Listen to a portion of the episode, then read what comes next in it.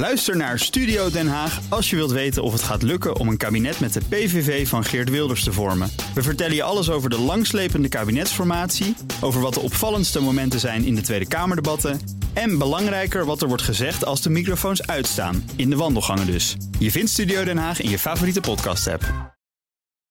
Tech Update. Stijn Goosens, goedemorgen. Goedemorgen. De CEO van online platform Reddit probeert de gemoederen te sussen binnen het bedrijf, want... Ja, er is een flinke hetze ontstaan onder gebruikers eh, van het platform. Daarmee hebben we het eh, deze week, eh, begin deze week ook over gehad in de tech-update. meer dan 8000 subreddits, dat zijn groepen op het platform...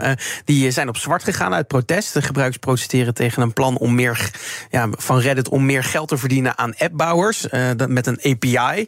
Want appbouwers gebruiken zo'n API om externe toegang te krijgen tot het platform. En daar willen ze de prijs van verhogen. Een beetje vergelijkbaar met wat Twitter doet. Die hebben daar ook een verdienmodel van gemaakt. Ja. En uh, ja, op Reddit is dus veel weerstand tegen het verhogen van die prijs. Want appbouwers zeggen ja, dat gaat ons miljoenen dollars per jaar kosten. Um, en terwijl de meeste van die groepen vandaag weer online zouden moeten komen, nadat ze dus een paar dagen op zwart gegaan zijn, uh, zeggen sommige subreddits toch ook uh, gesloten te blijven tot er echt aanpassingen komen.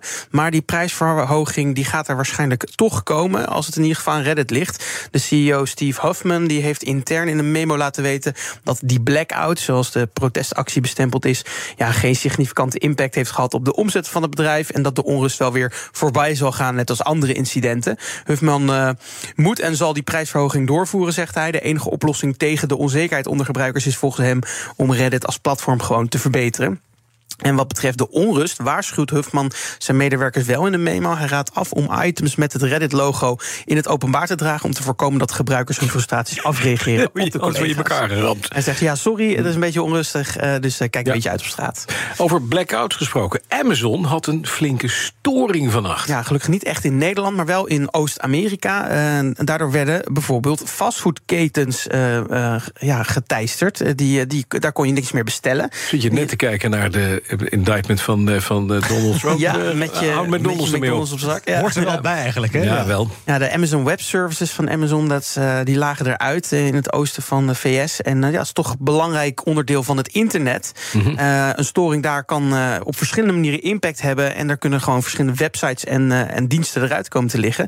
In dit geval waren dat onder andere apps van McDonald's, Taco Bell en Burger King. Ik zei het, ja. En die lagen dus. er de einde van de middag uit. Dus ja, rond het avondheden was het wel weer opgelost. Okay. Dus ik hoop dat de bedrijven in ieder geval uh, nog hun omzet hebben kunnen draaien. Oké, okay, nog eventjes naar meer blokkades. Want de rechter heeft officieel gesproken over de overname van Activision Blizzard. Ja, dat gisteren al even over gisteren hebben we het al even ja, over gehad. FTC is uh, naar ja. de rechter gestapt omdat ja. ze die overname willen blokkeren. In dit geval met een rechterlijk noodbevel. En de rechter heeft daar nu in ieder geval op toegestemd. Dus tot, ja, totdat ze daar verder naar gekeken hebben... zal er een blokkade zijn van die overname. Want op 18 juli is een belangrijke deadline. Als er dan die overname er niet is... moet Microsoft 3 miljard dollar aan Activision Blizzard betalen als een soort break-up boete. Ja. Uh, ja, uiteindelijk wachten we anderhalf jaar en het zal nog wel even duren. Dat denken wij en vrezen wij ook. Stijn Goosens, dankjewel. De BNR Tech Update wordt mede mogelijk gemaakt door Lenklen. Lenklen. Betrokken expertise, gedreven resultaat.